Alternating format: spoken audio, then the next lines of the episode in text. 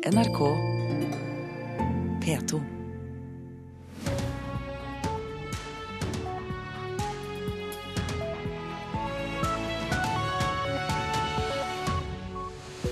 Og her er Øystein Heggen klar med Nyhetsmorgen. En av verdens eldste presidenter vil ha verdens yngste befolkning til å stemme på seg. Vi skal til Uganda. Fortsatt ukjent hvem som sto bak angrepet som drepte 28 mennesker i Ankara i går, altså. Vi får en oppdatering om terroren i Tyrkia. Hytteeiere beskylder Vinje kommune for å innføre nordkoreanske tilstander. Og Bruce Springsteen kommer til Norge, men fansen reagerer på dyre billetter. I Tyrkias hovedstad Ankara ble altså minst 28 mennesker drept og 61 skadd i gårsdagens eksplosjon. Det var en bil fullastet med sprengstoff som eksploderte. Det er ikke kjent hvem som sto bak angrepet.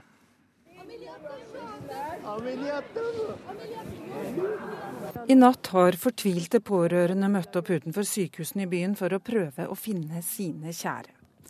Tidligere på kvelden hadde en fullastet bil med eksplosiver gått i lufta og rammet en militærbuss som ventet på grønt lys. Eksplosjonen skjedde i hjertet av landets hovedstad, like ved parlamentet og luftvåpenets hovedkvarter. Nori bor i området, og han var bare 300 meter unna da det smalt. Uh, after 20 seconds, you know, it was nearly 300 meters distance when I left the uh, explosion. And there was a very huge explosion, and I saw a flash. And you know, everyone has a panic. You I'm still shaking, and I can't believe that that's happening Han forteller at alle fikk panikk og at han ble veldig sjokkert. Jeg skjelver fremdeles og jeg kan ikke tro at dette skjedde i mitt område, sier Nori. Like etter eksplosjonen innførte tyrkiske myndigheter rapporteringsforbud, og det har vært strenge begrensninger for hva mediene fikk lov til å melde om. Tyrkiske sikkerhetskilder har ment at den kurdiske PKK-geriljaen kan stå bak, men visestatsminister Noman Kurtulmus sier at man foreløpig ikke vet, og at man vil gjøre alt for å finne de skyldige. President Tayyip Erdogan sier at kampen mot dem som angriper Tyrkias interesser, nå skal intensiveres. Marit Kolberg eh, orienterte. Verdens yngste befolkning går til valg i Uganda i dag, mens landets president Juveri Museveni har sittet uh, ved makten siden 1986. Tilhengerne til Museveni jubler. Det er ikke sikkert om jubelen er så dypt følt. Det hender at jubelen er kjøpt og betalt. Mange av dem som møter opp, er arbeidsløs ungdom, som gjerne tjener en ekstra slant på å høre presidentens løfter om et bedre liv. Selv har de ikke opplevd noen annen president. Museveni har styrt Uganda i 30 år. Og det spørs om det blir endring på det etter dagens valg.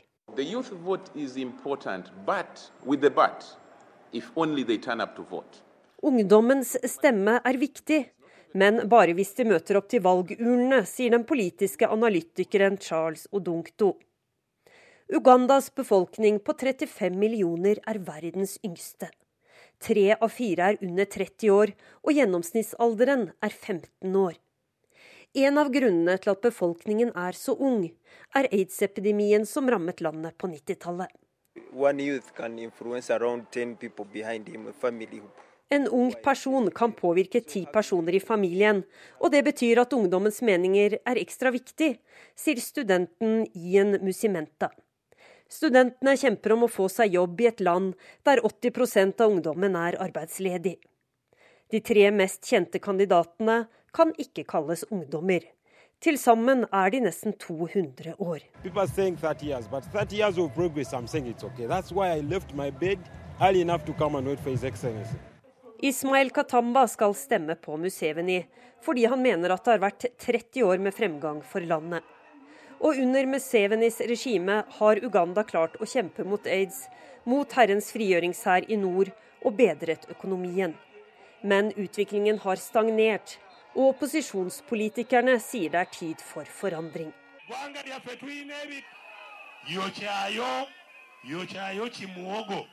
Opposisjonskandidaten Kisa Besiji oppfordrer sine tilhengere til å ta med matpakke til urnene i dag og smøre seg med tålmodighet. 5500 politifolk er ute i gatene for å hindre opptøyer. Valget har allerede ført til vold og død. Folk i Uganda håper at stemmene deres betyr noe. at valget ikke er fikset på forhånd. Rapporterte Afrikakorrespondent Kristine Presttun. Ragnhild Murjås, eh, god morgen til deg. God morgen. Du er med oss fra studio i Bergen og førsteamanuensis i sammenlignende politikk ved universitetet der. Og kan man si at dette valget i Uganda er avgjort på forhånd?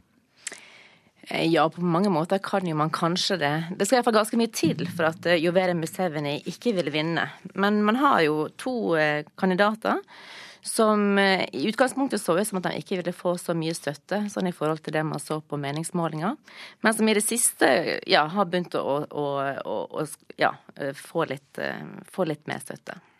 Hvordan har Museveni klart å holde på makta så lenge? Altså Det har jo ganske mye å si med at han har hatt høy legitimitet både innad i Uganda og også i det internasjonale samfunnet, i alle fall i de første åra som han styrte. Han kom jo til makta som leder av den nasjonale frigjøringshæren, senere da med den nasjonale frigjøringsbevegelsen, NRM, i 1986. Og det var jo etter en seks år lang blodig borgerkrig som brøt ut i kjølvannet av Idi Amin sitt åtte år lange terrorregime. Så når han kom til makta med NRM, så hadde jo befolkninga vært igjennom ganske mange grusomheter. Og så da med NRM, eller med NRM og Museveni i spissen, så fikk man en periode der man klarte å skape fred i store deler av landet. Eh, ikke i nord i begynnelsen, men etter hvert også i nord. Og man så også en, eh, fikk en økonomisk oppgangstid. Eh, på 90-tallet så hadde man 7 vekst i økonomien, og en enorm nedgang i antallet på hiv-smitta. Og også så hadde man sikrer man politisk representasjon til grupper som eh, tidligere ble ansett som marginale, som kvinner, funksjonshemma og ungdom. Eh, så det var på en måte en ganske sånn tydelig skifte i ugandisk politikk når han først kom til makta.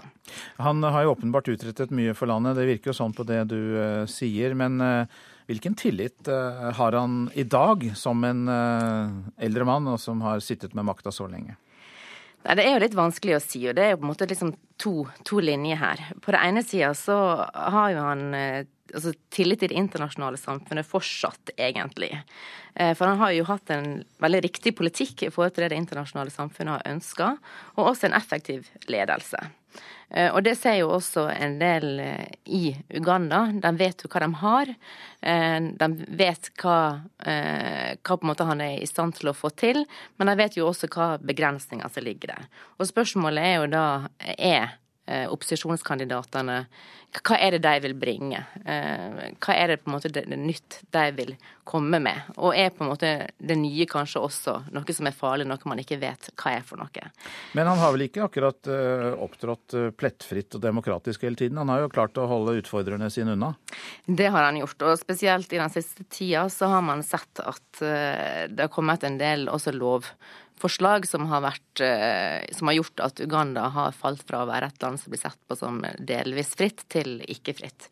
Blant annet så har man jo hatt store begrensninger på eh, forsamlingsfriheten, altså mulighet for en politisk opposisjon, eller egentlig bare en politisk samtale. Altså Hvis du skal ha en liten gruppe på fire-fem mennesker ønsker å samles i Uganda eh, for å snakke sammen om politikk, så må du nødt til å eh, sende inn en søknad til myndighetene tre dager i forkant.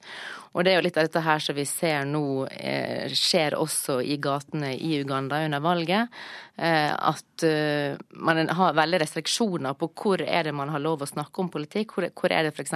masse Hvor er det man har lov å oppholde seg og, og ytre seg om politikk og følge valgkampanje. Så myndighetene sier på den ene sida at ja, men dere bryter lovene eh, til opposisjonspolitikere. Eh, mens de sier da at dette her er jo helt klart eh, altså brudd på, på, friheten til å drive politikk. Så, så, Uganda er jo i dag ikke sett på som demokratisk, og valget er jo heller ikke sett på som fritt. Og det har jo mye med både lover som er kommet inn siste tida, og også håndhevelsen av de lovene. Mange takk skal du ha, Ragnhild Murjås, førsteamanuensis i sammenlignende politikk ved Universitetet i Bergen. Og eh, om Ugandas president og andre afrikanske ledere som bare sitter og sitter, det kan du høre og se mer om eh, på Urix NRK2 i kveld klokka 20.25. Avisene nå. Norge og Kina er på rett spor. Isen er i ferd med å tine, sier professor Huang Jing ved Nasjonaluniversitetet i Singapore. Dagens Næringsliv kaller Huang Norges ukjente Kina-hjelper. Han er blitt brukt som samtalepartner av Utenriksdepartementet etter krisen som oppsto mellom de to landene da Liu Xiaobo fikk prisen i 2010.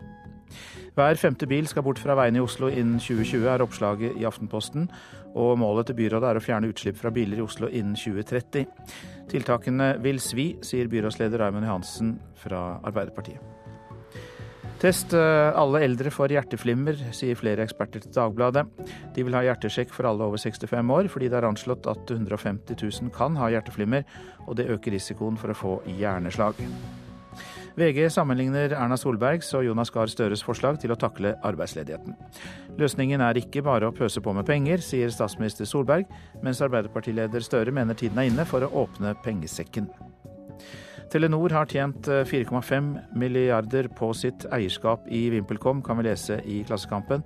VimpelCom innrømmer nå at selskapet brøt loven da det fikk markedsadgang til Usbekistan. Men den korrupte investeringen har altså gitt god uttelling både for VimpelCom og deleier Telenor. Oljeindustrien består av en bråte akademikere som passer på noen få fagarbeidere. Er det rart det går galt, spør Linn Cecilie Moholt i Bergens Tidende. Hun leder elektronikkbedriften Karsten Moholt AS, og hun er skeptisk til at norsk oljeindustri flytter ut produksjonen til Asia for å spare lønnskostnader. Moholt sier at tilliten til faglig ekspertise i Norge er blitt borte.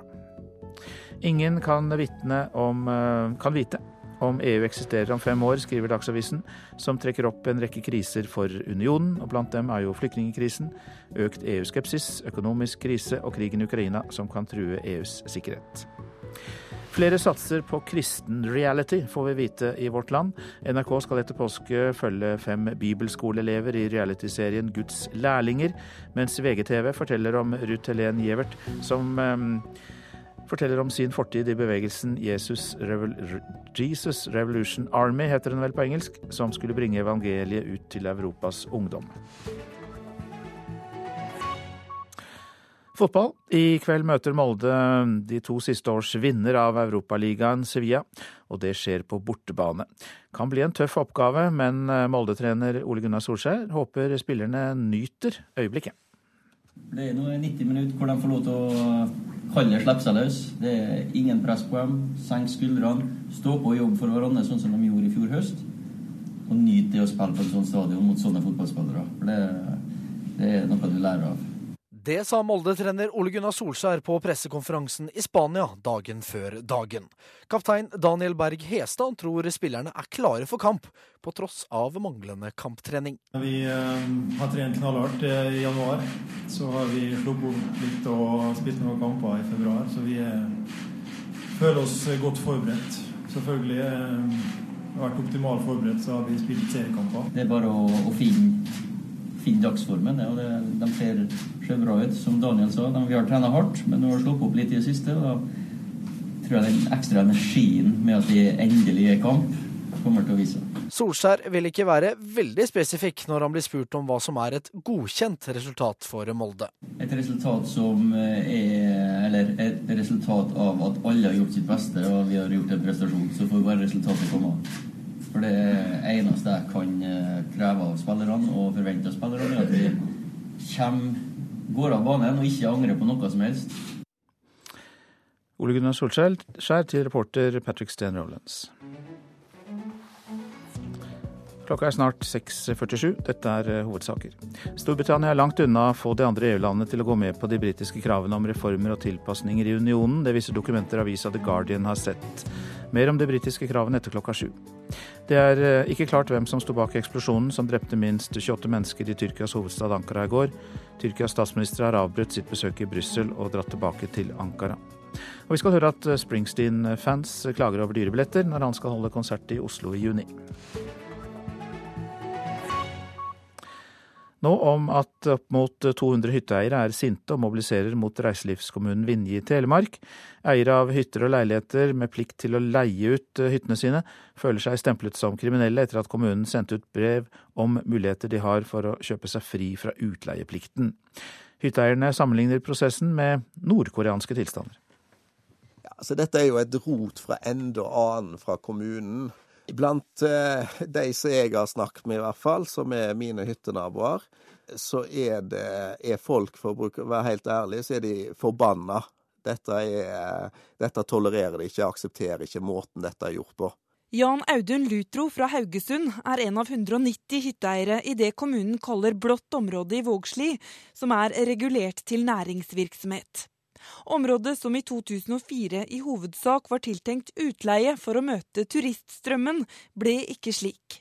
Mange hytteeiere har ikke oppfylt utleieplikten, mens andre hevder de ikke har hatt kjennskap til at det var utleiekrav. Derfor har kommunen forsøkt å komme til en ordning der hytteeierne kan kjøpe seg fri fra utleieplikten, sier rådmann Jan Myhrekrok. Vi oppdaga at det var mange som eh, har ei eh, plikt til å leie ut hytta si, ikke ønskte å, å, gjøre det, og heller ikke hadde fulgt den ordninga som vi hadde fra tidligere av. Det som jeg vet, er jo at mange har eh, oppfylt det, men eh, det har jo ikke vært et utleiemarked å dekke det som da kommunen vil ha tilgjengelig. Det er 70% av året. For at hytteeierne skal kunne kjøpe seg fri fra utleieplikten, må hytteeier finansiere nye utleieenheter via en utbygger. Alternativet er å fortsette å leie ut hytta i 70% av året via et bookingselskap godkjent av kommunen. Hytteeierne, som i hovedsak kommer fra Haugesund, Stavanger og Oslo-området, har fått brev fra kommunen om mulighetene de har, med trussel om tvangsmulkt om de ikke følger de nye reglene. Det er så mye rare vedtak. altså Det der med å eh, bytte senger mot andre, altså det er jo i praksis så å si helt umulig. Og hvem skal du bytte med? Eh, og hvem vil bytte? Eh, så, så, det der er jo et tullevedtak. Folk har kalt det for et regime som ligger langt vekk fra Norge. Den måten den eh, behandlingen har skjedd på. Det var nevnt Nord-Korea og Sovjet, holdt jeg på å si, men det får ikke stå for min regning. Men dette er, det viser bare på eh, hva, hva nivå folk føler seg eh, tråkka på. Etter at hytteeierne mottok det omstridte brevet med trussel om tvangsmulkt fra Vinje kommune, føler de seg ikke lenger velkomne i kommunen. Nå vurderer flere av dem å flytte til andre hyttedestinasjoner. Hvis de vil en, være en ja-kommune og vil ha hyttefolk der, så er jo dette stikk i strid med det de bør gjøre. Så, vi føler oss ikke velkommen lenger på den måten som, blir, som de kjører på nå, kommunen. Det er noe å dra det her for langt. Det er det ikke grunn til. Det som gjør at sånne, den typen korrespondanse kan virke litt skarp i kanten, er egentlig de formuleringene som ligger i plan- og bygningslova. Skal en følge opp ulovlig bruk av en eiendom, så så er, da må det nok gjerne stå noe om tvangsmulkt og sånn. og Vi skjønner at det kan virke ubehagelig, men uh, en uh, refererer egentlig bare til, til lova. Jeg tenker jo det at De som har skaffa seg hytte med utleieplikt, uh, utgangspunktet må vite hva de har gitt seg inn på. Hvis dette her blir på en måte så veldig negativitet rundt, og en føler seg lite velkommen, så, så er det klart det er enkelt for alle i framtida, som naboen min sa, og så heller flytte til andre destinasjoner. Reporter var Solfrid Leirgull Øverbø.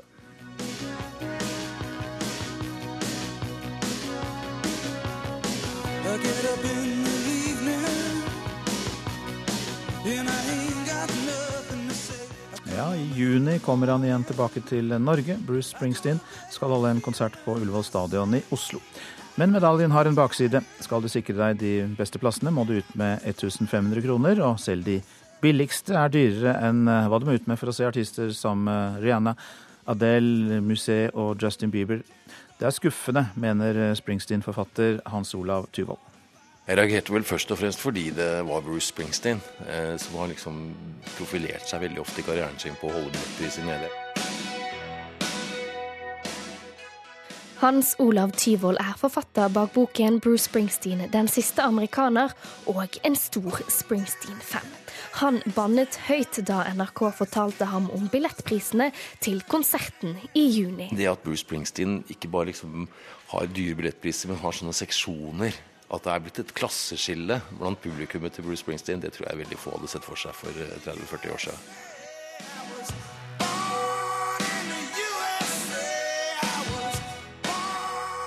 Skal du få en god ståplass til konserten på Ullevål, må du ut med 1500 kroner.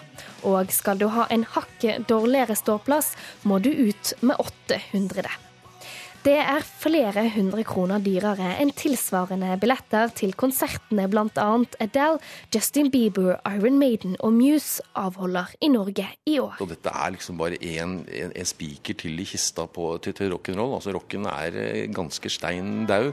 Og vi ser liksom eldre artister som kommer og skal melke det siste som er igjen. Bruce Springsteen er langt, ikke på langt nær den verste. Jo, jeg syns det er eh, trist, eh, fordi jeg vet om veldig mange ungdommer som gjerne skulle vært på konsert med han, som ikke kommer til å kunne komme dit. Dette er Arbeiderpartiets Jan Bøhler.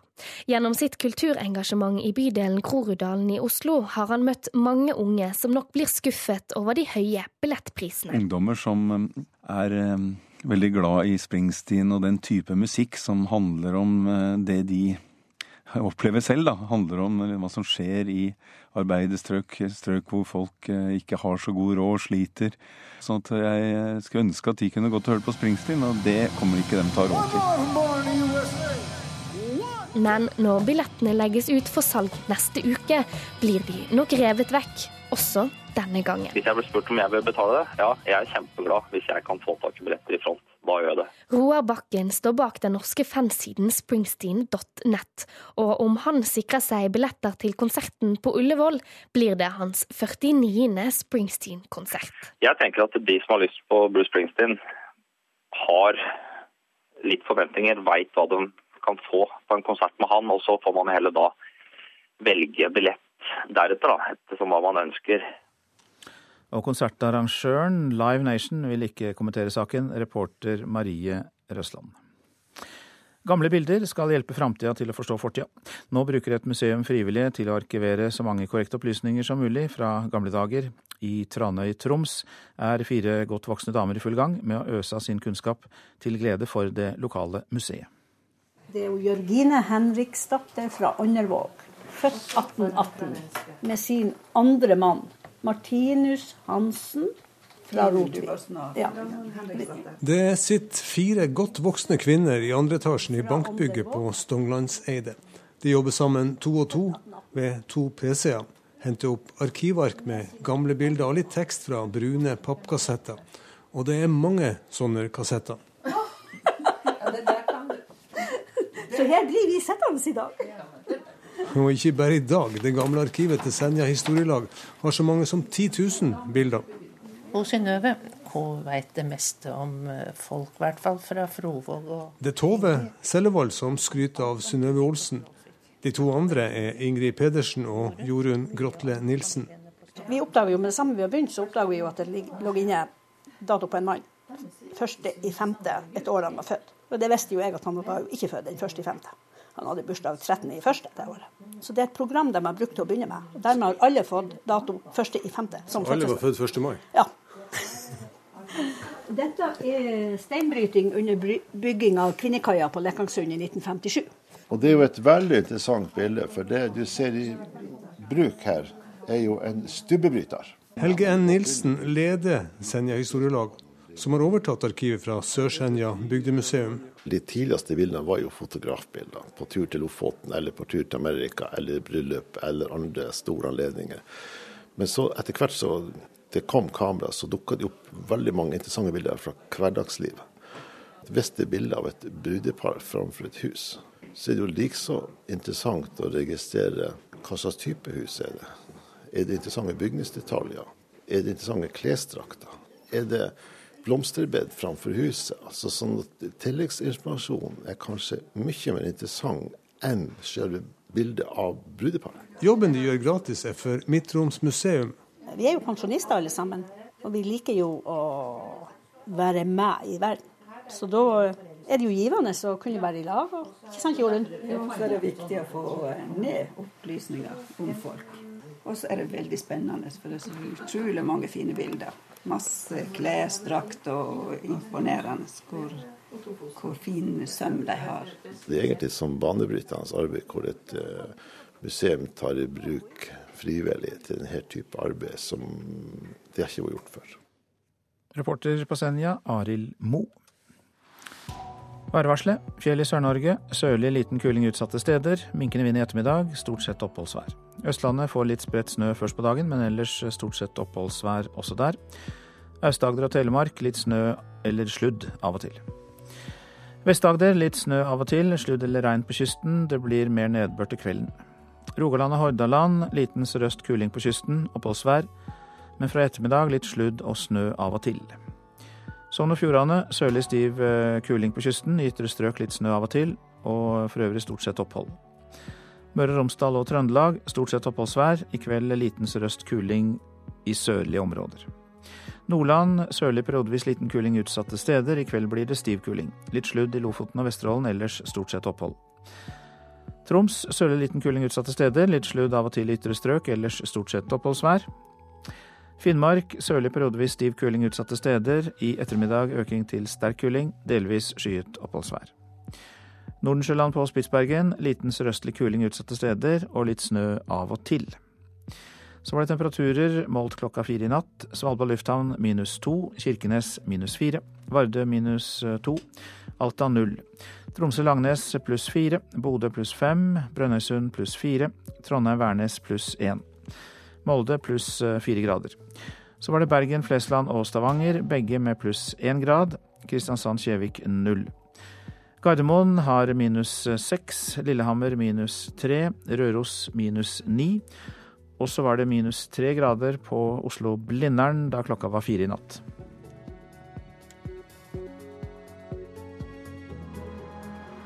NRK P2.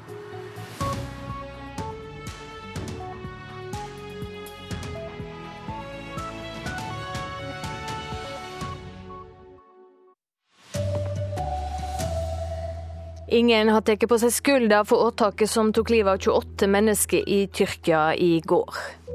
Og salet av kylling i butikk er tilbake til gamle høgder. Her er NRK Dagsnytt ved Silje Sande klokka er sju. Det er altså ikke klart hvem som sto bak eksplosjonen som tok livet av minst 28 mennesker og såra 61 i Tyrkias hovedstad Ankara i går.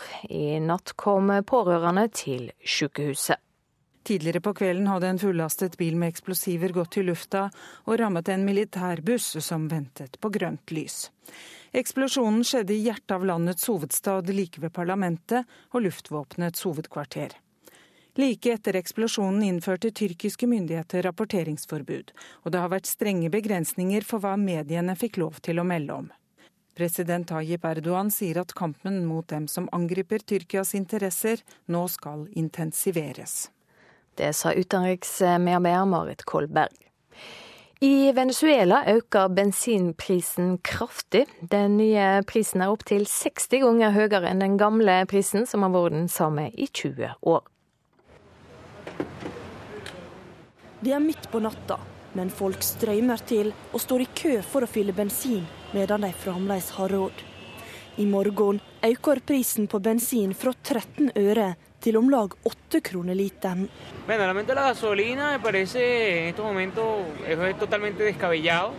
Denne økningen er galskap, sier Dennis Portillo i hovedstaden Caracas.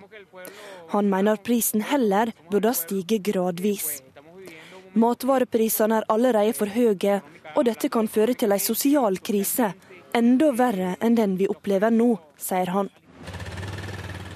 Prisøken på bensin er ett av flere tiltak for å lette den økonomiske krisa i landet, der olje står for 95% av eksporten. I en tale i går sa president Nicolas Maduro at dette må til for å kunne gi sosiale goder til folket. Reporter Marte Halsør. En mann i 40-åra er sendt til sykehus med alvorlige skader etter knivstikking i Sarpsborg i går kveld. Politiet i Østfold har søkt etter en mistenkt gjerningsmann, men har foreløpig ikke pågrepet noen. Salet av kylling i butikk har tatt seg opp igjen etter at bruken av narasin skremte vekk mange kunder for halvannet år siden. Narasin er et antibiotikaliknende tilsettingsstoff som tidligere var tilsett fôret til kyllingene for å hindre sykdom. Fra i fjor høst har salet tatt seg opp igjen, og det er nå tilbake på toppnivået fra første halvår i 2014, ifølge Nortura. Det aller meste av kyllingkjøttet i butikkene er nå fritt for narasin. Det var Dagsnytt. Og Nyhetsmorgen fortsetter med disse sakene. Kvinner som er gravide med friske tvillinger kan nå velge å abortere bort ett foster og bære fram det andre, men medisinske fagmiljøer fraråder dette. Regjeringen tok ikke hensyn til juridiske innvendinger da de la fram forslag til asylinnstramninger, hevder jusprofessor Mats Andenes. Det kan bli et dramatisk toppmøte i Brussel i dag, når britenes krav til å fortsette i EU skal opp til debatt. Og Stavanger kommune skal måle hvor fort innbyggerne går. Denne overvåkningen får du også høre mer om i Nyhetsmorgen. Ja, Kvinner som er gravide med friske tvillinger, kan nå velge å abortere bort ett foster og bære fram det andre. Det har Helse- og omsorgsdepartementet bestemt. Sykehusene har siden 2009 eh, bedt Helsedepartementet om en avklaring rundt såkalte fosterreduksjoner i svangerskap med to eller flere fostre. Men et samlet fagmiljø reagerer sterkt og fraråder at dette blir mulig i Norge. Et barn leker i gangen på Rikshospitalet, et av to sykehus som gjennomfører fosterreduksjon. Dvs. Si abort av fosteret hvor ett eller to blir båret fram når kvinnen er gravid med flere barn. Nå kan kvinner som er gravid med friske tvillinger før uke tolv selv velge å abortere bort et foster og bare bære fram det andre. Det har Helse- og omsorgsdepartementet bestemt etter at de ba Lovavdelingen i Justisdepartementet vurdere om abortloven åpner for dette. Det er sånn abortloven eh, må forstås. Sier statssekretær Cecilie Brein-Karlsen i Helse- og omsorgsdepartementet. Det kommer vi også nå til å presisere overfor eh, sykehusene. Siden 2009 har Rikshospitalet bedt Helse- og omsorgsdepartementet om en avklaring av fosterreduksjon ved trilling- og firlingsvangerskap. I 2014 fortalte NRK at det var full forvirring i Sykehus-Norge om det er lov å abortere friske fostre når kvinnen er gravid med to eller flere. Rikshospitalet og Nasjonalt senter for fostermedisin ved St. Olavs hadde ulik praksis. Da ba helseminister Bent Høie om en tolkning av abortloven.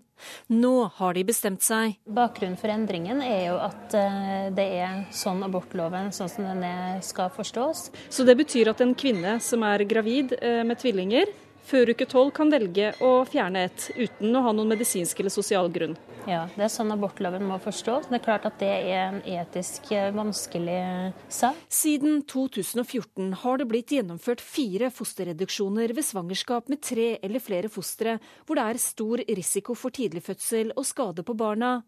Men det har aldri vært gjennomført fosterreduksjon ved tvillingsvangerskap i Norge. Når departementet åpner for dette, reagerer et samlet fagmiljø sterkt. Er vi fortsatt meget eh, skeptiske til og syns det er veldig uheldig hvis denne avklaringen skulle medføre at det blir vanlig praksis at man reduserer fra tvillingsvangerskap til enkeltsvangerskap. Sier viseadministrerende direktør ved Oslo universitetssykehus, Terje Rottwelt. Så det er jo en betydelig risiko for at det gjenværende fosteret blir abortert også. I 2014 var 930 kvinner gravid med tvillinger i Norge. Vi har ikke noe ønske om at dette skal bli en vanlig rutine i Norge. Han får støtte fra overlege ved Nasjonalt senter for fostermedisin, Birgitte Heiberg Kars. Vi har ikke sett noe medisinsk gevinst. Vi skal jo hjelpe pasientene eh, og ikke utsette dem for, eh, for økt risiko eller fare. Og det blir vanskelig å, å, anbefale noe som vi føler at ikke gir noe gevinst. Hva hvis det er fagmiljøet er uenig da, og ikke ønsker å gjennomføre dette? Hvordan stiller man seg da? Det, det, er en debatt som ikke vi kan gå inn i nå. Da må i så fall vi ha en dialog med fagmiljøet. Men sånn er jo da lovverket, og det kommer nå til å bli presisert overfor eh, sykehusene. Og sykehusene må følge dette? Sykehusene må følge, følge lova, ja. Reporter eh, Ellen Omland. Stine Andreassen, nestleder i Norsk gynekologisk forening, du er med oss fra studio i Bodø. God morgen. God morgen. Hva mener dere om det? Ja, Først vil jeg bare si at vi er glad for at man nå har sett på dette problemet med fosterreduksjon før uke tolv, da det lenge har vært en både juridisk og etisk problemstilling. Og Vi ser nå at juristene i Helse- og omsorgsdepartementet konkluderer med at selektiv fosterreduksjon bør tillates på lik linje med selvbestemt abort. Og Dette er jo nytt for oss, og vi må nå diskutere konsekvensene av dette innad i det gynekologiske miljøet. Det er ingen medisinsk gevinst, vanskelig å anbefale, betydelig risiko. Det er stikkord fra det vi hørte fra ledere ved Oslo universitetssykehus og Nasjonalt senter for fostermedisin her. Når et samlet fagmiljø fraråder, eh, er det da grunn til å være positiv til dette? Nei, altså Vi må selvsagt lytte til de delene av fagmiljøet som har størst kompetanse på dette. For som sagt, Selv om det er juridisk ukomplisert nå, så er det på ingen måte verken etisk og faglig ukomplisert. Og Vi vet jo det at det foreligger liten forskning med tanke på å gå fra to til ett foster og konsekvensene for det gjenværende fosteret. Og Man er også usikker på om den kunnskapen som foreligger, faktisk kan overføres til norske forhold. Og Det er jo hovedgrunnen til at det norske gynekologiske miljøet er kritisk til innføringa i sånn ordning med selektiv fosterreduksjon. Du nevner konsekvenser for det gjenværende fosteret. Hva tenker du på da? Tenker du på eh, medisinsk risiko? Medisinsk risiko og mulighet for abort av det gjenværende fosteret. Det er jo også en vanskelig eh, etisk eh, sak. Altså, Man ser jo ikke da barna som én fødsel. Man plukker ut uh, en som får leve, og andre som ikke får det. Hva mener du om det? Ja, Det er klart som du sier, det her er etisk problematisk. Eh, og hvordan denne utvelgelsen skal gjøres etc., det må man ta stilling til. Og det er viktig at vi står samla i det gynekologiske miljøet, sånn at vi her får en enhetlig praksis. Hva anbefaler du at det gynekologiske og medisinske miljøet gjør nå når denne juridiske avklaringen er kommet? For det er jo den som nå ligger der, og så skal dere snakke om det etterpå. Ja, det er klart vi må samles eh, nasjonalt og, eh, og, se på hvordan vi skal klare å gjennomføre dette og ta stilling til eh, om det her eh, har konsekvenser som man ikke har sett på ut fra det rent juridiske. Hvis vi skal se på eh, hvordan, eh, hva dette kan bety for eh, kvinnene som bærer fram fostrene, hvilke kvinner kan det eventuelt være som kan ha grunn til å be om å få ta bort ett eller flere fostre? Ja, Det er jo vanskelig å si om at det foreligger såpass liten forskning på det, men man kan jo tenke seg kvinner som av helsemessige årsaker ikke bør bære frem et tvillingsvangerskap. Takk skal du ha for den uh, oppdateringen og synspunktene rundt uh, disse juridiske vurderingene, som altså er kommet uh, fra departementet. Det var nestleder i Norsk gynekologisk forening, Stine Andreassen. Ja, Vi hørte i Dagsnytt. I Tyrkias hovedstad Ankara så ble altså 28 mennesker drept i går og 61 skadd i den store eksplosjonen der fra en bil fullastet med sprengstoff. Og Sveriges Radios korrespondent Katja Magnusson er i Ankara og har snakket med en bussjåfør som var nær det stedet der det smalt. Når eksplosjonen inntreffet, trodde jeg at det var oska eller et plan som størtet, sier bussjåføren Erkin Götzmen. Når han kjørte nærmere, så han røken stige opp fra bombplassen. En passagerare på bussen fikk et telefonsamtal at en venn fanns blant de döda og brøt ihop og började gråta. Attacken skedde her i den turkiske huvudstadens politiske hjerte, ikke langt fra parlamentet og militærhøykvarteret, og bomben utløstes når fordon med militärpersonal stannet ved et trafikljus. Nå sperrer politibiler med blåljus veien til plassen. Sen i somras har Turkiet skakats av våld. Islamiska staten IS misstänks ligga bakom en rad sprängdåd mot civila, som här i Ankara i oktober då mer än 100 personer dödades vid en fredsmarsch. Efter att vapenvilan brutits mellan staten och den kurdiska PKK-gerillan så har den långvariga konflikten eskalerat. Dessutom har turkisk militär de senaste dagarna skjutit över gränsen med artilleri mot kurdiska styrkor i Syrien. Busschauffören Erkin sörjer offren. E, bu doğu olmuş, olmuş, olmuş. Det spiller ingen roll om det är i östra eller västra Turkiet eller här i Ankara. Varje attack gör oss ledsna. Vi är hjälplösa och vi känner en stor sorg, säger Erkin Göçmen. Yani üzüntümüz bizim çok büyük. Katja Magnusson i Ankara. Og hjem igjen til eh, asylpolitikken. Regjeringen har valgt å stryke juridiske innvendinger i sitt forslag om asylinnstramning, hevder jusprofessor Mats Andenes. Forslaget har fått kraftig kritikk fra en rekke hold, og Andenes mener det skyldes at Sylvi Listhaug ikke har tatt hensyn til juridiske motforestillinger i arbeidet med forslagene. Jeg tror det har vært eh, flinke eh, jurister som har arbeidet med dette. Og de har altså tatt de forbeholdene som flinke jurister ville tatt. Og de har rett og slett blitt tatt ut. De er blitt strøket i prosessen, slik at vi ikke ser de forbeholdene i høringsnotatet. Jusprofessor Andenes har vært uvanlig sterk i sin kritikk av regjeringens innstramminger i asylpolitikken. Temaet var også oppe i Stortingets spørretime i går. Det er uvanlig sterk kost. En rekke faktafeil. Feilaktig bruk av rettspraksis. Manglende konsekvensutredning både på det folkerettslige og på det barnefaglige. Sylvi Listhaug har hele veien forsvart seg med at det er de flinkeste juristene fra regjeringsadvokaten og departementene som har utarbeida forslagene. Vi har hatt gode jurister jurister som har jobba med dette her på rekordtid. Nå vil jusprofessor Mats Andenes både vite hvem de er og hva de har sagt. Det er ingen korrekt fremstilling av folkeretten eller norsk rett i dette høringsnotatet på flere punkter. Og da er det ikke nok for oss å høre at Listhaug mener hun har fått råd av veldig gode jurister, eller jurister hun mener er veldig gode jurister, og at disse rådene da visstnok skal gå ut på at alt hun har foreslått er rettslig sett holdbart. Men det er vel et politisk privilegium å bruke den informasjonen man ønsker for å få igjennom sitt eh, politiske ønske? Jo, men nå er det altså bare Listhaug som sier at hun har hatt noen gode jurister og hun har fått noen juridiske råd. Eh, vi må da få se hvem er disse juristene, og hva har de sagt? Etter at Listhaug la fram innstrammingsforslagene, har bl.a. Utenriksdepartementet og UDI kommet med juridiske motforestillinger i sine høringssvar. Andenes mener det er påtagelig at disse ikke var med i regjeringens eget forslag, særlig siden både Utenriksdepartementet og UDI hadde folk med i arbeidsgruppa som jobba fram forslagene. Det fremgår ikke av disse utredningene noe som helst som da ikke kan støtte eh, de politiske løsningene som eh, statsrådene der vil ta.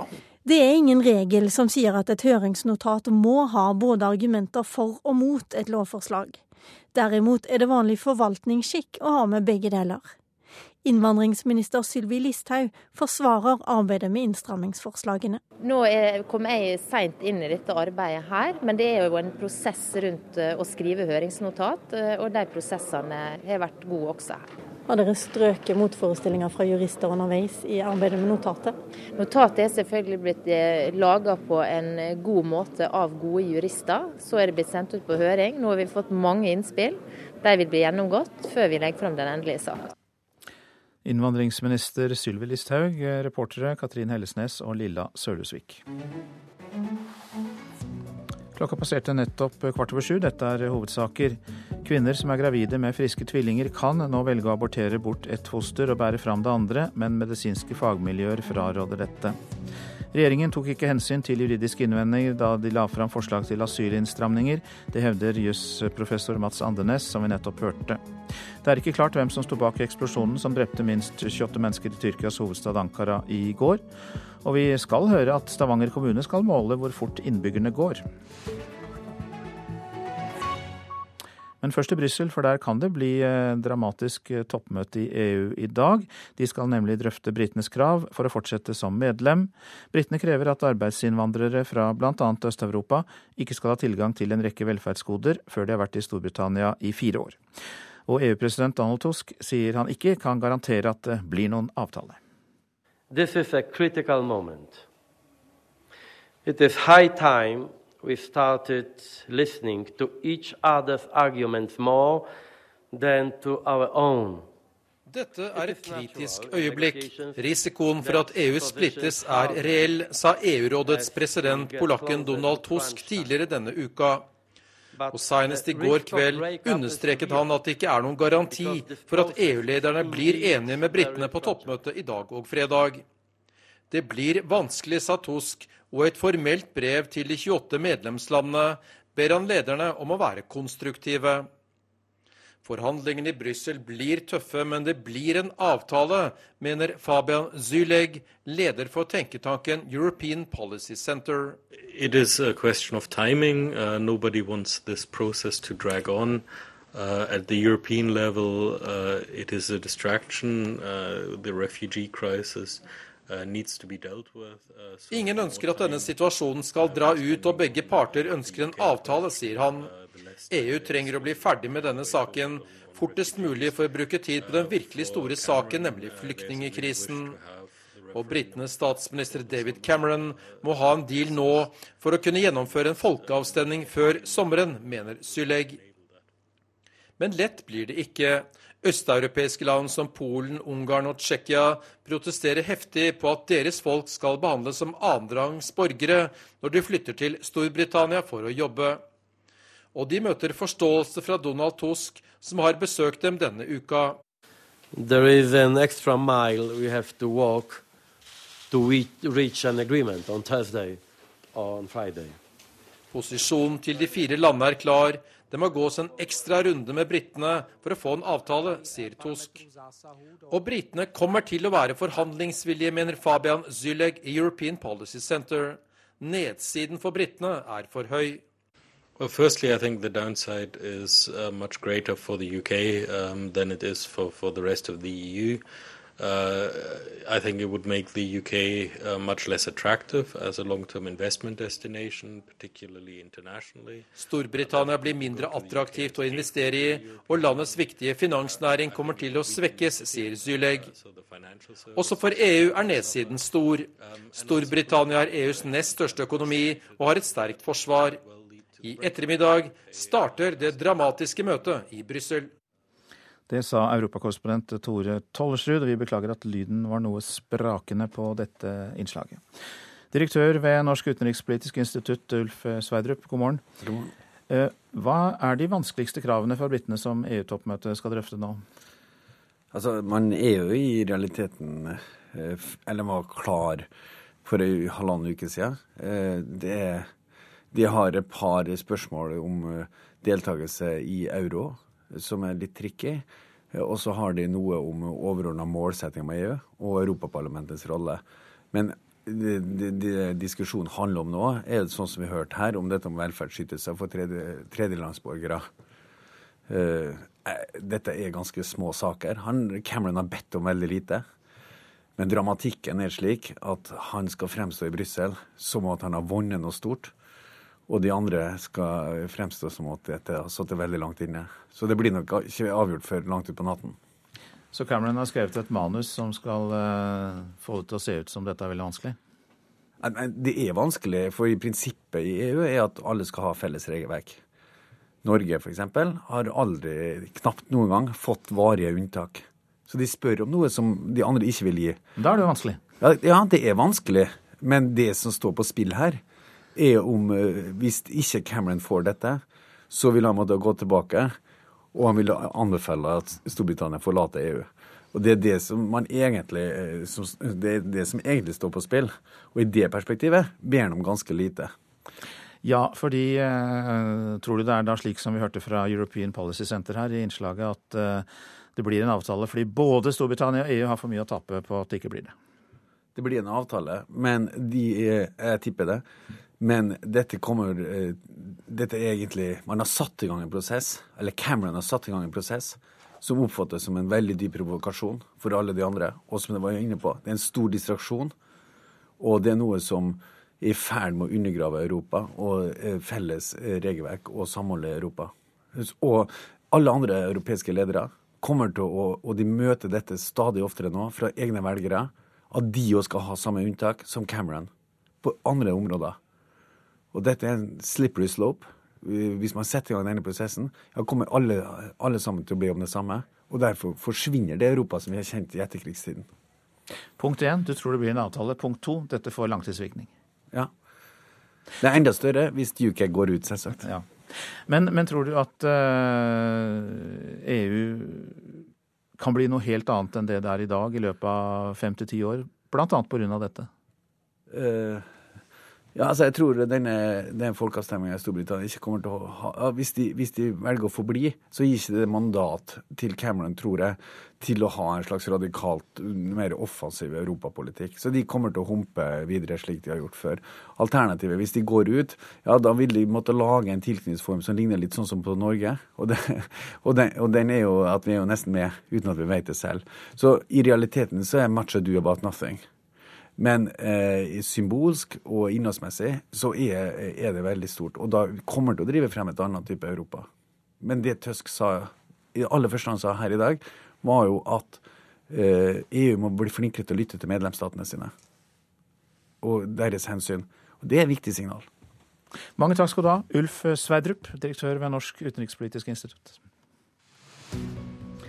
Så er det det avisene er eh, opptatt av eh, i eh, dag, og vi kan jo begynne med Dagsavisen, for det har relasjon til det vi snakket om. Ingen kan vite om EU eksisterer om fem år, skriver avisa, som trekker opp en rekke kriser for unionen, blant dem flyktningkrisen, økt EU-skepsis, økonomisk krise og krigen i Ukraina som kan true EUs sikkerhet. Norge og Kina er på rett spor, isen er i ferd med å tine, sier professor Huang Jing ved Nasjonaluniversitetet i Singapore. Dagens Næringsliv kaller Huang for Norges ukjente Kina-hjelper. Han er blitt brukt som samtalepartner av Utenriksdepartementet etter krisen som oppsto mellom de, landene, de to landene da Liu Xiaobo fikk fredsprisen i 2010. Hver femte bil skal bort fra veiene i Oslo innen 2020, er oppslaget i Aftenposten. Og målet til byrådet er å fjerne utslipp fra biler i Oslo innen 2030. Tiltakene vil svi, sier byrådsleder Raymond Johansen fra Arbeiderpartiet. Test alle eldre for hjerteflimmer, sier flere eksperter til Dagbladet. De vil ha hjertesjekk for alle over 65 år, for det er anslått at 150 000 kan ha hjerteflimmer, og det øker risikoen for hjerneslag. VG sammenligner Erna Solbergs og Jonas Gahr Støres forslag til å takle arbeidsledigheten. Løsningen er ikke bare å pøse på med penger, sier statsminister Solberg, mens Arbeiderpartileder Støre mener tiden er inne for å åpne pengesekken. Telenor har tjent 4,5 milliarder på sitt eierskap i VimpelCom, kan vi lese i Klassekampen. VimpelCom innrømmer nå at selskapet brøt loven da de fikk markedsadgang til Usbekistan, men den korrupte investeringen har gitt god uttelling både for VimpelCom og deleier Telenor. Oljeindustrien består av en bråte akademikere som passer på noen få fagarbeidere. Er det rart det går galt, spør Linn Cecilie Moholt i Bergens Tidende. Hun leder elektronikkbedriften Karsten Moholt AS, og hun er skeptisk til at norsk oljeindustri flytter ut produksjonen til Asia for å spare lønnskostnader. Hun sier at tilliten til faglig ekspertise i Norge er blitt borte. Flere satser på kristen reality, får vi vite i Vårt Land. NRK skal etter påske følge fem bibelskoleelever i realityserien Guds lærlinger, mens VGTV skal lage en serie om Ruth Helen Gjevert, som forteller om sin fortid i bevegelsen Jesus Revolution Army, som skulle bringe evangeliet ut til Europas ungdom. Telling og fartsmåling av turgåere skal innføres i Stavanger. Fire målestasjoner er plassert langs byens mest populære turløyper, for nå vil kommunen kartlegge hvordan de blir brukt. Ikke bare skal antall passeringer registreres altså, men også hastigheten til fotgjengere, joggere og syklister. Er det, er det radarkontroll? Det er faktisk det det er. Er du redd for å bli tatt i radar? Ja, ja, ja, jeg er litt, litt redd for det. Hvordan ofte er dere rundt Stokkavatnet? To ganger i uka. Mandag, torsdag, fast. Turkameratene Marton Vestbø og Arne Bark er to av de faste traverne på den drøyt åtte kilometer lange turveien rundt det store Stokkavatnet. Og i år blir de talt og målt på hver eneste runde. For Stavanger kommune har plassert ut målestasjoner i den populære løypa. Det har vi gjort for å finne ut av så mange som går tur rundt her. Det sier Aina Hovden Lunde, som er natur- og idrettsrådgiver i Stavanger kommune. Eh, det kan være litt spennende å se når du bygger turveier og slik, og så få en dokumentasjon på faktisk effekten av det. Og telle hvor mange som bruker det. Stokkavatnet er et av de mest populære turområdene i eh, Stavanger kommune. og Dere har målt her siden 18.1. Det er ganske voldsomme tall dere har på hvor mye folk som går tur rundt dette vannet? Ja, på den snaue måneden nå så er det over 10 000 som har gått rundt her. Så det er veldig kjekt, da. Tilsvarende målestasjoner har Stavanger kommune plassert ut ved Mosvatnet og på turveien mellom Breivik og Strømvik i østre bydel. Og både de som jogger, sykler og går, blir nå talt og målt. Det går ikke så fort nå som vi gjorde før. Det gikk fortere før. Og da gikk vi veldig fort. Jeg syns det er kjedelig å gå rundt Store Stokkemenn. Ja, det er dommen fra Thomas Middleton, så helst tar turen på to hjul. Så når isen nå er vekke, så begynner jeg å sykle igjen. Jeg syns jeg får bedre mosjon med å sykle og ta godt i. Og det tar meg altså Å sykle tar tre kvarter rundt Store Stokkevann. Mens å gå tar nesten to timer. Eh, denne målestasjonen, hva kan du fortelle? Hvordan, hvordan virker denne her? Den uh, måler med radar. Uh, han teller hvor mange som passerer i begge retninger. han registrerer òg farten på både fotgjengere og syklister. Se på det. Roar Børresen, du er ansvarlig for sykkelsatsingen i Stavanger kommune. Der kom det en syklist eh, ganske fort forbi her, gjorde han ikke det? Ja, men det så ut som han hadde god kontroll. Han hadde fingeren på bremsen, så jeg, så det, jeg var ikke redd jeg når han gikk forbi. Men skulle konflikten mellom syklister og turgåere igjen blusse opp utover våren, så vil Stavanger kommune nå ha tall som forteller farten på de som sykler, og når på døgnet og i uka der er flest turgåere og joggere i løypa. Ja, I den sammenheng så får vi jo dokumentert om eh, potensialet til et problem er, er, stort eller lite. Eh, vi får kontroll på de faktiske data. Har du sett denne her eh, måleren som står her? Nei. Den måler farten din på sykkel rundt vannet her. Ja, Det var ikke mye å snakke om. du er ikke redd for å bli tatt i radarkontroll? Nei, nei, nei, absolutt ikke. Eh, du får jo kartlagt hvor mange som bruker området, og får eh, vist litt effekten av det at vi tilrettelegger. Eh, så du får jo gode tall på at det vi gjør, virker. Og så får vi jo sett hvor mange som bruker det, og kanskje vi ser da hvilke områder der vi må ja, gjøre mest vedlikehold. Og... Og du syns det er kjedelig, det store Stokkavatnet? Ja, kjedelig. Litt langt, kanskje. det er ikke, det er ikke så mye å gjøre med. Og det var Johan Mile Laugaland som fortalte om uh, turtellingen. Du lytter til uh, Nyhetsmorgen. Produsent i dag Katrine Nybø. Her i studio Øystein Heggen. Og etter Dagsnytt så skal vi besøke, besøke Schengen, den lille landsbyen i Luxembourg som har gitt navn til den europeiske grenseavtalen. Skattereformen er oppe til debatt i Politisk kvarter. Det er Siri Meling fra Høyre som møter Arbeiderpartiets Marianne Martinsen til eh, debatt. Så minner vi om nettstedet radio.nrk.no, der eh, du kan høre alle NRKs radiokanaler.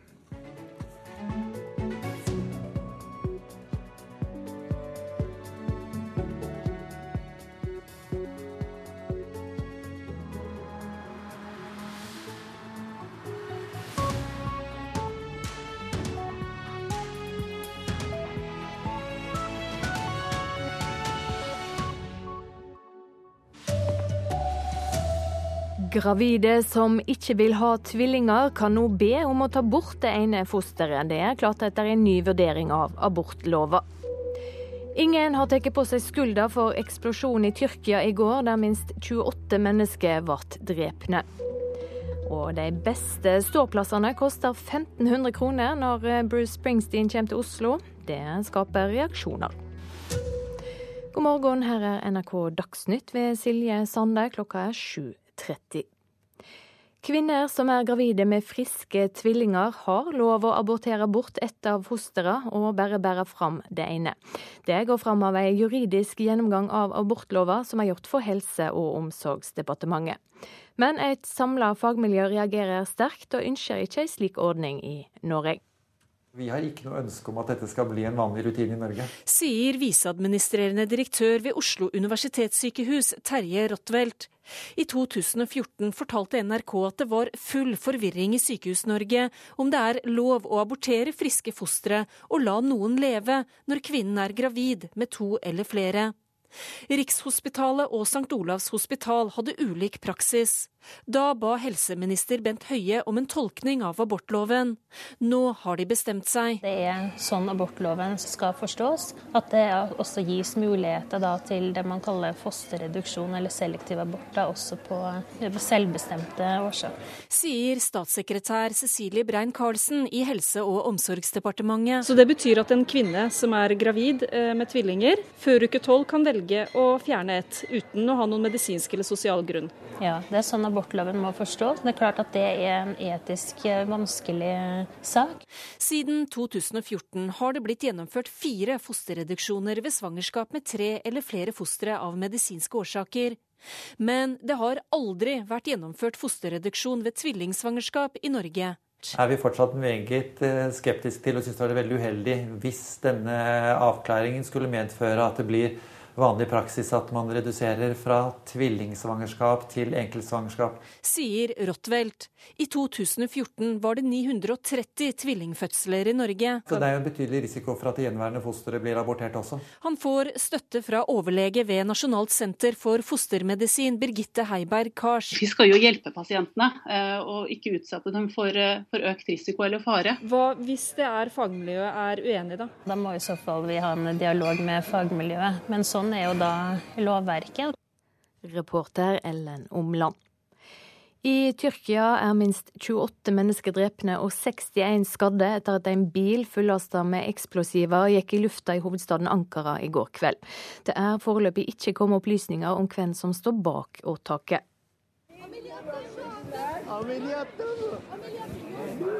I natt har fortvilte pårørende møtt opp utenfor sykehusene i byen for å prøve å finne sine kjære.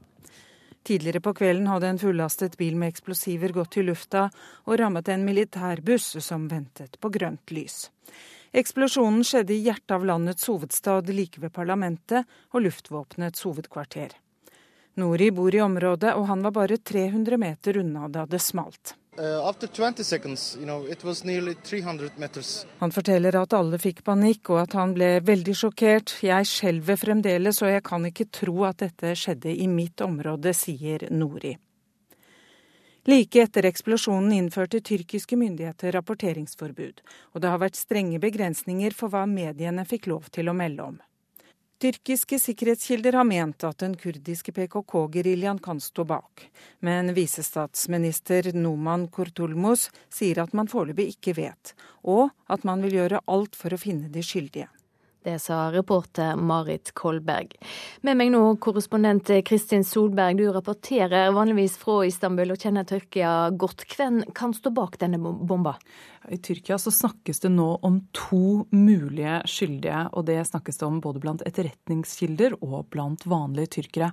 Det ene er IS, den tyrkiske staten er involvert i en militær offensiv mot IS siden i fjor sommer, og etter det så har vi sett at trusselen fra IS er økt. Det ser vi bl.a. i um, IS' egne, egne propagandamateriale om at den tyrkiske staten er en fiende. Og IS er også blitt utpekt som den skyldige i, i flere uh, lignende angrep i Tyrkia det siste halve året. Så er det også snakk om eh, PKK, den tyrkiske staten staten startet militæroffensiv også mot dem i fjor sommer. Og president Erdogan antydet i går at det kunne være PKK. Han brukte da ord som han tidligere har brukt om PKK, eh, om de skyldige i dette angrepet. Men det vi ser uansett, er at relativt raskt de siste gangene, så har, de siste gangene det har vært terrorangrep, så har myndighetene gått kjapt ut og sagt hvem de mener står bak. Takk skal du ha, Kristin Solberg. Regjeringa har valgt å stryke juridiske innvendinger i sitt framlegg om asylinnstramming. Det hevder jusprofessor Mats Andenes. Forslaget har fått kraftig kritikk fra flere hold, og Andenes mener noe av årsaka er at Sylvi Listhaug ikke har tatt omsyn til juridiske motforestillinger i arbeidet.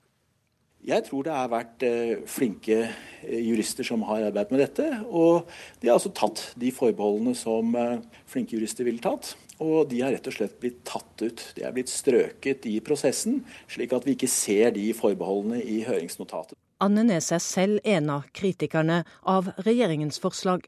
Kritikk var det også i Stortingets spørretime i går. En rekke faktafeil, både med tall og med henvisninger. Feilaktig bruk av rettspraksis. Manglende konsekvensutredning både på det folkerettslige og på det barnefaglige. Vi har hatt eh, gode jurister som har jobba med dette her på rekordtid. Svarer innvandringsminister Sylvi Listhaug. Både Utenriksdepartementet og Utlendingsdirektoratet var med i arbeidsgruppa som utarbeidet regjeringens forslag. I etterkant har både departementet og UDI kommet med juridiske motforestillinger i sine høringssvar.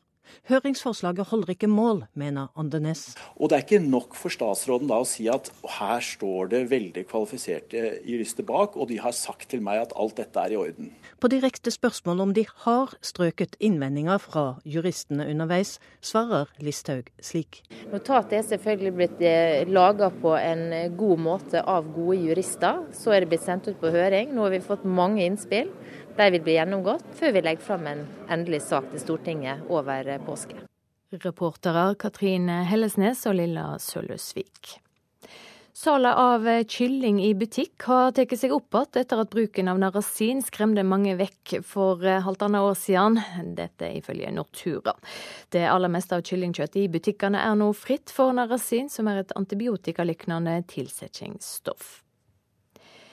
I juni skal rockelegenda Bruce Springsteen ha konsert på Ullevål stadion i Oslo. Men du må ut med 1500 kroner for en av de beste plassene, og sjøl de billigste billettene er dyrere enn hva det koster å høre Rihanna, Adele, Muse og Justin Bieber. Skuffende, mener Springsteen-forfatter Hans Olav Tyvold. Jeg reagerte vel først og fremst fordi det var Bruce Springsteen, eh, som har liksom profilert seg veldig ofte i karrieren sin på å holde billetter i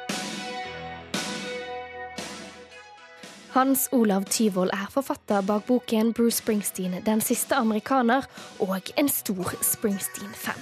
Han bannet høyt da NRK fortalte ham om billettprisene til konserten i juni. Det at Bruce Springsteen ikke bare liksom har dyre billettpriser, men har sånne seksjoner.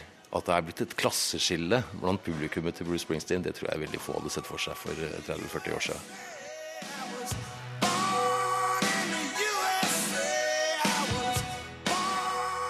Skal du få en god ståplass til konserten på Ullevål, må du ut med 1500 kroner.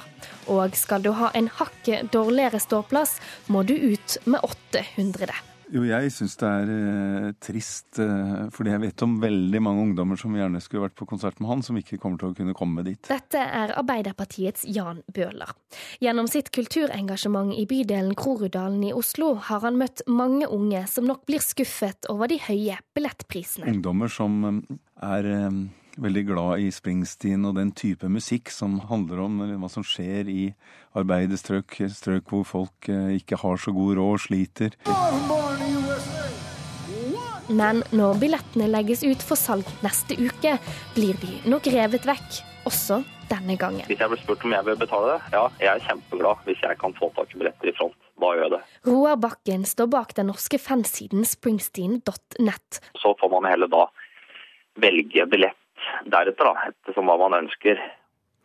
Ja, Så må vi ta med at konsertarrangøren Live Nation ikke ville kommentere denne saka. Reporter Marie Røsland. Ansvarlig for eh, NRK Dagsnytt, Bjørn Christian Jacobsen.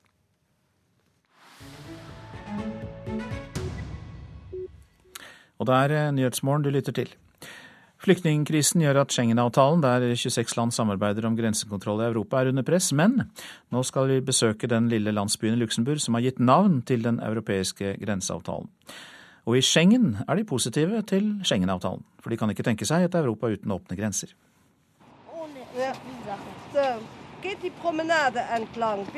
Tyske elever på klassetur til Schengen. Læreren forteller åtteåringen at de skal fortsette å gå langs elven, Bestemmelsesstedet er Schengen-museet. Uh, we are here because we are working on a project uh, and we are talking about Europe. And so we came here to Schengen because Schengen created Europe. Vi kom hit fordi klassen jobber med et prosjekt om Europa. Vi ønsker å se stedet der det nye Europa ble skapt. Det forteller lærer Tanja Schinken. Skoleklasser fra mange land kommer hit for å lære om Schengen-avtalen. Biler krysser broen over elva Mosel. Før de er kommet opp i fart, er de allerede inne i et annet land. For landsbyen Schengen ligger 200 meter fra grensen til Tyskland og like kort fra grensen til Frankrike. Innbyggerne her liker å si at stedet er verdens nest mest berømte landsby. Kun Betlehem er en mer kjent landsby, mener de. 40 to 50,000 people coming from all over the world just to be in Schengen where the agreement has been signed. Because they got this visa in their, in their passports, they want to be on that place. Vi har 50 000 turister på besøk i året. Fordi mange fra andre steder i verden har et Schengen-visum i passet sitt, ønsker de å se stedet vårt.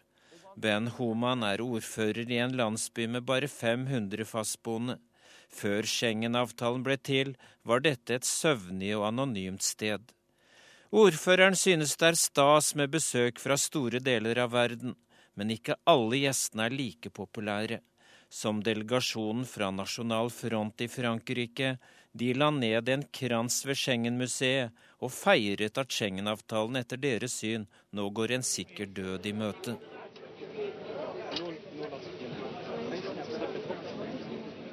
Dette er lyd fra et historisk øyeblikk i en båt ved kai i Schengen den 14. juni 1985.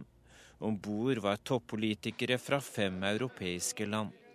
I båten prinsesse Maria Astrid signerte Tyskland, Frankrike, Belgia, Nederland og Luxembourg den første Schengen-avtalen. Ti år senere ble avtalen satt ut i livet. I dag er 26 land med i Schengen-samarbeidet, Ifølge ordfører Homan var det ikke mange i 1985 som trodde at Schengen-avtalen ville bli så vellykket som den ble.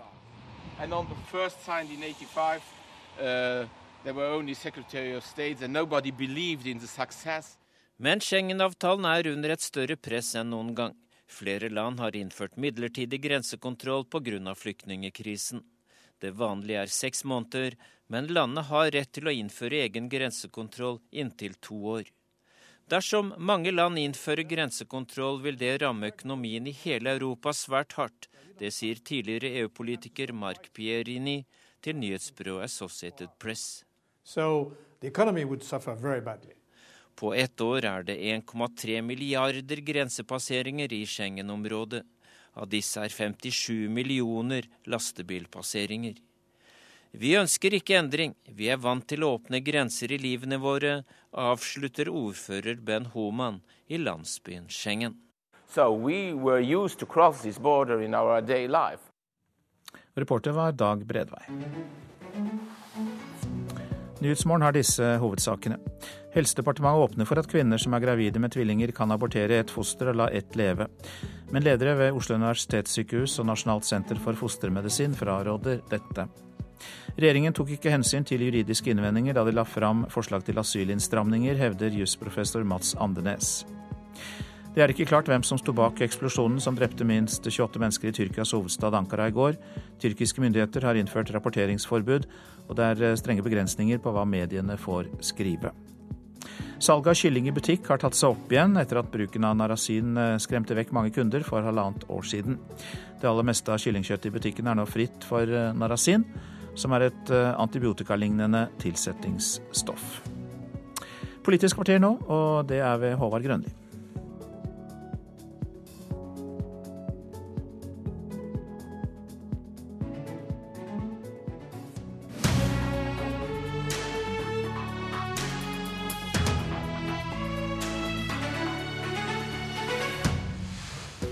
Det har blitt utgreia å skrive om skattereform i årevis.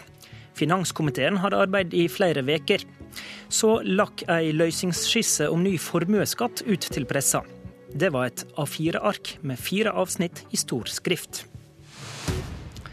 Er det ei skisse som er på vei ned i søppelbøtta, slik det blir skrevet i dag, eller finnes det en felles grunn der det ligger et mulig skattekompromiss?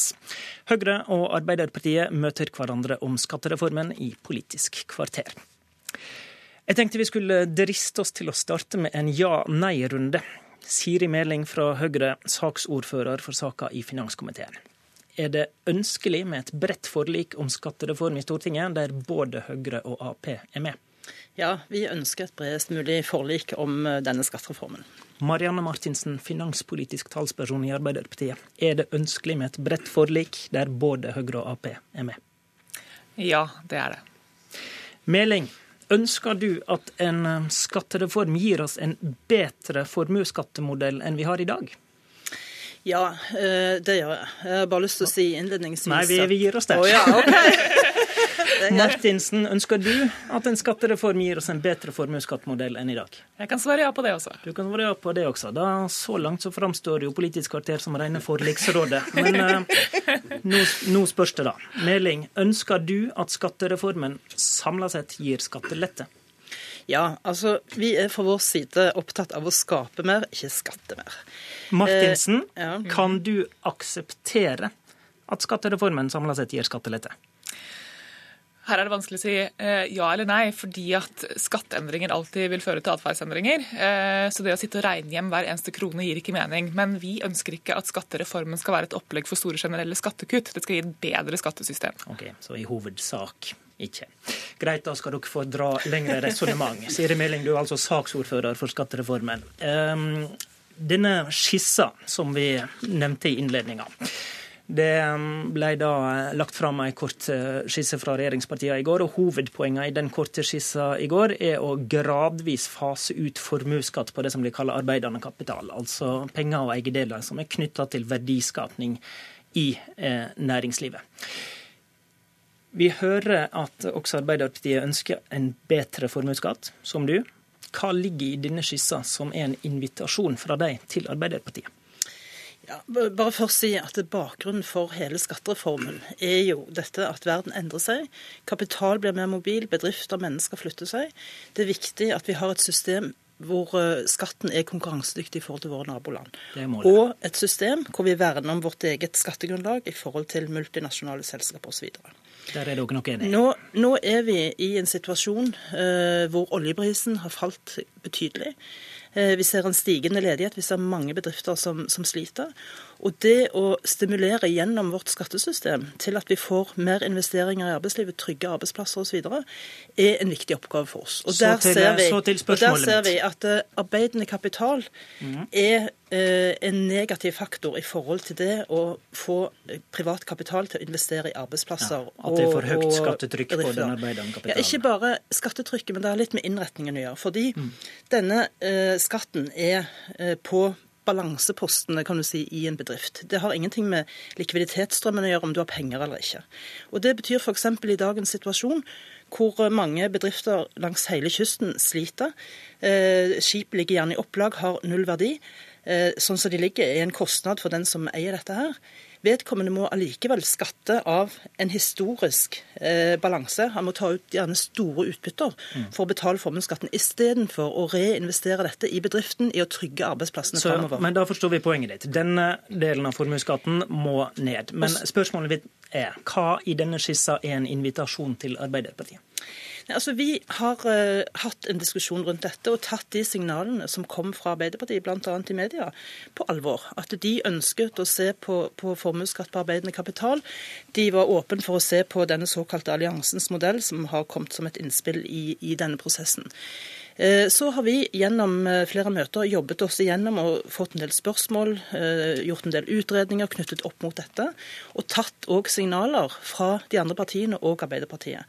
Det har resultert i det som vi la fram som en skisse i går, som er en begrenset del knyttet opp mot arbeidende kapital, hvor vi sier at vi ønsker å fase denne gradvis ut. At vi er tydelige på retningen, men at det, tempoet, at det skal skje på en gradvis måte. Fase ut skatten Også, på arbeidende ja, kapital. Og så har vi òg på en måte lagt noen øh, si, bunnplanker der i forhold til at vi ikke ønsker at eierskatten totalt skal gå opp, for den tenker vi er viktig i forhold til å stimulere til investeringer i næringslivet.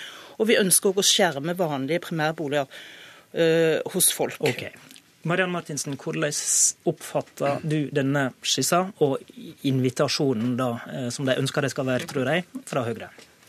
Altså Det største problemet med den skissa er alt som ikke står der. Eh, nå skal vi huske på at Formuesskatten som sådan er en mindre del av hele det, det komplekset som finanskomiteen er invitert til å diskutere. Og Formuesskatten må selvfølgelig ses i sammenheng med alt mulig annet. og Hvis vi ser på de ulike skatteartene, så er det ingen tvil om at det er selskapsskatten som er det aller viktigste når det kommer til investeringsnivå i norske bedrifter. Men det er formuesskatten som er nøtta? Ja, jeg vil si at Det er flere nøtter. og vi har, vi har, en lang liste med temaer som vi ønsker å diskutere, som vi ønsker å få på bordet. Det gjelder f.eks. hvordan vi skal uh, få på plass nye grep for å sørge for at multinasjonale selskaper faktisk betaler skatt til Norge. Det kan gi rom for, uh, for lettelser f.eks. i selskapsskatten. Men Hvordan ser du på denne skissa som handler om formuesskatt? Det vi har fått på formuesskatt, er eh, i realiteten eh, et forslag om å sende saken tilbake til Finansdepartementet. Eh, og det er hovedproblemet. Man overlater til Finansdepartementet i denne teksten her å komme tilbake med en modell i forbindelse med budsjettet for 2017. Det foreslår man altså etter at vi både har hatt et skatteutvalg og en skattemelding og flere uker med møter i finanskomiteen. Eh, det er Finansdepartementet som skal stå for avgrensning. Så det er ikke en reell skisse til løsning, da, mener du? Nei, jeg mener at det ikke er det. Det er ingen føringer på proveny, ingen føringer på fordeling, som er en svært viktig sak for oss. Og ja, Du mener er, det svekker fordelingsprofilen, leser jeg i avisene? Ja, dette vil helt klart svekke fordelingsprofilen, fordi, fordi at det er en fullmakt til å gå ned på, på arbeidende kapital uten at vi har noen balanse i dette. Og Nå har regjeringa holdt på med relativt omfattende skattekutt til de mest velstående i landet gjennom tre år, uten at det har hatt noen synlig effekt på økonomien. Hvordan, hva svarer du på det, Meling, at det svekker fordelingsprofilen? Ja, altså, Vi er jo òg opptatt av å ha en god fordelingsprofil i vårt skattesystem. Selv om det viktigste eh, enkeltelementet for et menneske er jo om de har jobb eller ikke jobb. Det er jo det som, som på en måte utgjør de store forskjellene på mennesker i dette landet. Og Nettopp derfor er det viktig å tilrettelegge for å skape investeringer i næringsliv og skape mm. nye arbeidsplasser. Men også og, økonomer har jo pekt på at de modellene dere har sett på til nå, i realiteten nesten er å fjerne hele formuesskatten. Det er klart, Den delen av formuesskatten som ligger på arbeidende kapital, er en stor andel av, av formuesskatten.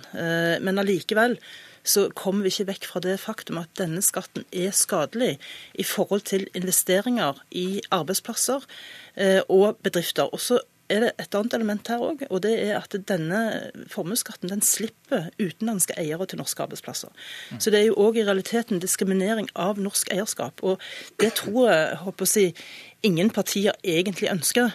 Eh, men det er på tide at vi tar dette på alvor og gjør noe med det. Det har vi en mulighet eh, til nå, og vi inviterer mm. partiene til å være med på, og, på, dette løpet. Og Martinsen, Du sier jo i starten her at du vil ha en bedre formuesskatt. Mm. Da må du vel i praksis akseptere mindre skatteinntekter på den skatten?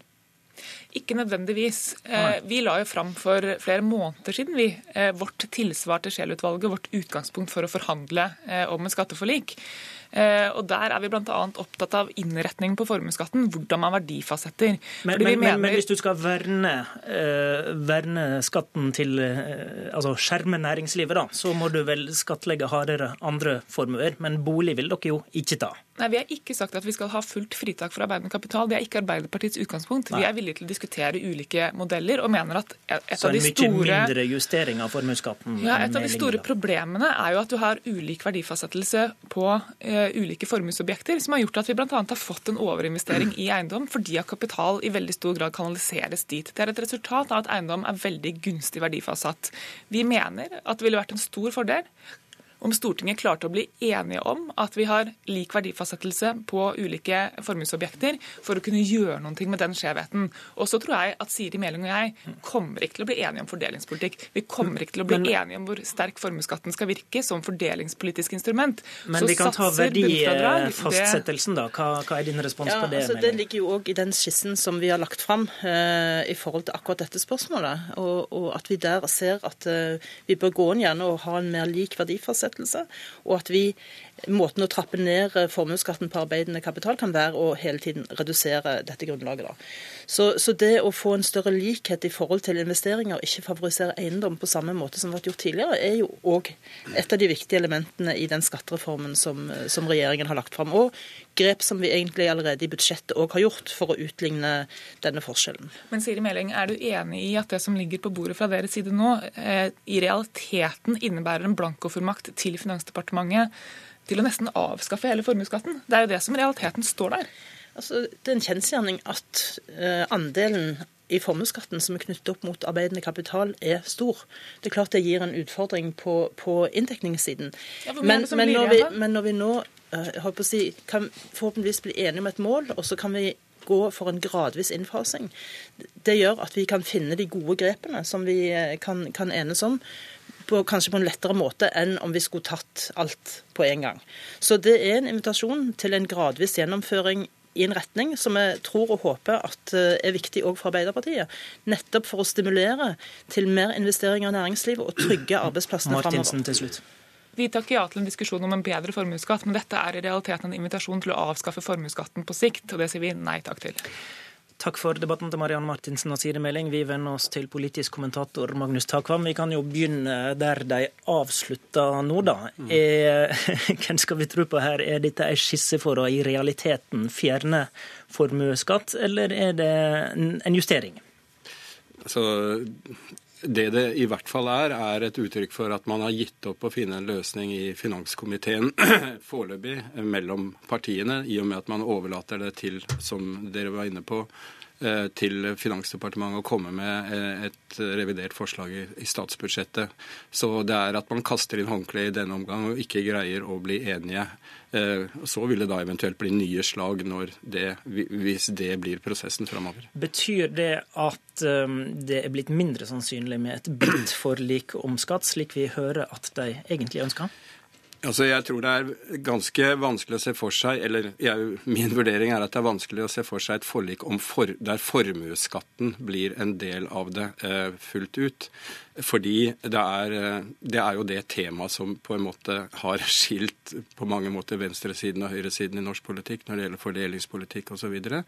så rett før en, eh, et valg så så ser jeg ganske så, så er jeg skeptisk til om det lar seg gjøre å bygge bro over de de forskjellene politisk. Men det er samtidig et faktum at finanskomiteen i flere uker nå har via uh, modeller som endrer formuesskatten, mye oppmerksomhet. Uh, betyr det uh, altså, Vil det være mulig å finne en skattereform der de går utenom hele den tematikken? Ja, selvfølgelig. Og det var vel ikke hovedsaken for Sjel heller, Scheel-utvalget, som jo er mye av grunnlaget her. Eh, det var nettopp selskapsskatten som, eh, som, jo i prinsippet partiene er enige om, og som jo allerede er startet på i statsbudsjettet. Det er eh, i år, årets budsjett redusert satsen ned til 25% osv. Slik at den delen av, hvis du kaller det en reform, er jo allerede konsensus rundt. Eh, men det er et trøkk for å få en løsning også på formuesskatten. Og det viktige for Høyre er det som man er inne på, å liksom komme ut med noe som man kan forsvare ut fra eh, merkelappen norsk eierskap og styrke norsk eierskap, mens Arbeiderpartiet på den andre siden ikke kan gå over en strek som, der de risikerer kritikk for å, å svikte i fordelingspolitikken. Men det, er, det, kan godt hende at det, det, store grepet i denne skattereformen bare koker ned til å bli selskapsskatten og en del andre elementer. Blir det samla skattelette av denne reformen, eller må det være en eh, nøytral reform der skatteinntektene er om lag som i dag, om dette skal gå? Altså Der eh, sier jo partiene at det, de håper på, er å bli enige om en strukturreform. At man er enige om de prinsipielle sidene om eh, hvordan skattesystemet skal se ut. Og så krangler man om nettopp eh, nivået på skatten. Og det har man sett allerede i, i forbindelse med selskapsskatten. Det går an å ha ulike nivåer, prosenter osv. på den. Forhandlingene holder fram i Stortinget. Det var Politisk kvarter i dag. I studio Håvard Grønli.